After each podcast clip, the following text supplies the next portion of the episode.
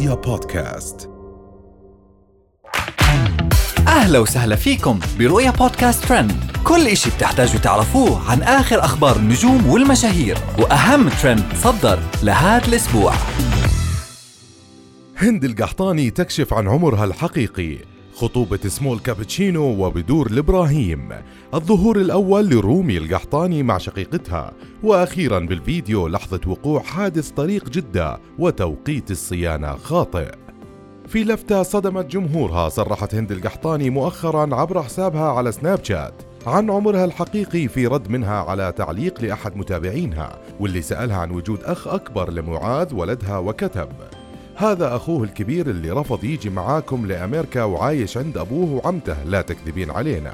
وكان رد هند القحطاني عليه واعتبر الجمهور هند القحطاني عندها مشكلة بالعمر خاصة وإنها دائما تذكر جمهورها بعمرها وخاصة بعد ما قارنت نفسها بالمشاهير العرب.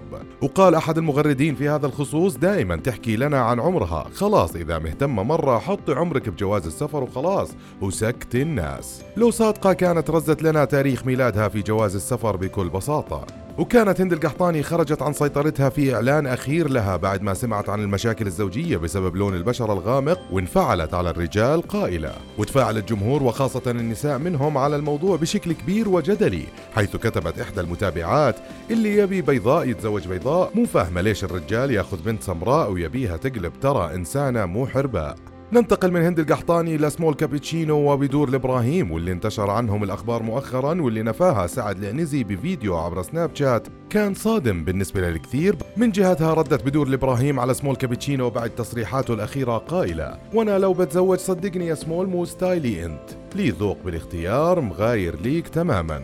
والواضح أن السبب وراء الشائعات حولهم هو إعلان سمول كابتشينو عن وجود حب في حياته الأمر اللي خلى الجمهور يتوقعوا هوية المحبوبة. من سمول كابتشينو وإشاعات الخطوبة بننتقل لرومي القحطاني.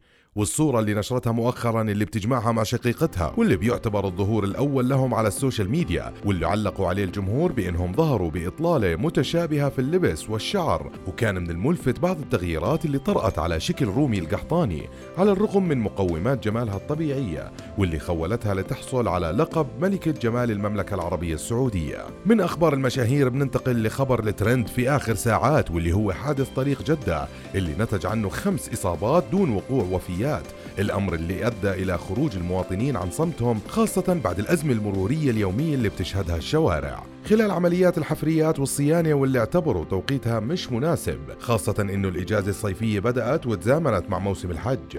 وكانت هالصور والمقاطع المتداولة للحادث على السوشيال ميديا وتسببت الأزمة المرورية بعدم قدرة الإسعاف الوصول لمكان الحادث واللجوء للإسعاف الجوي. وبينت التحقيقات إنه السبب بيعود لتقليص المسارات لإجراء الصيانة. هاي كانت كل أخبارنا لليوم. بنشوفكم الحلقة الجاي. رؤيا بودكاست.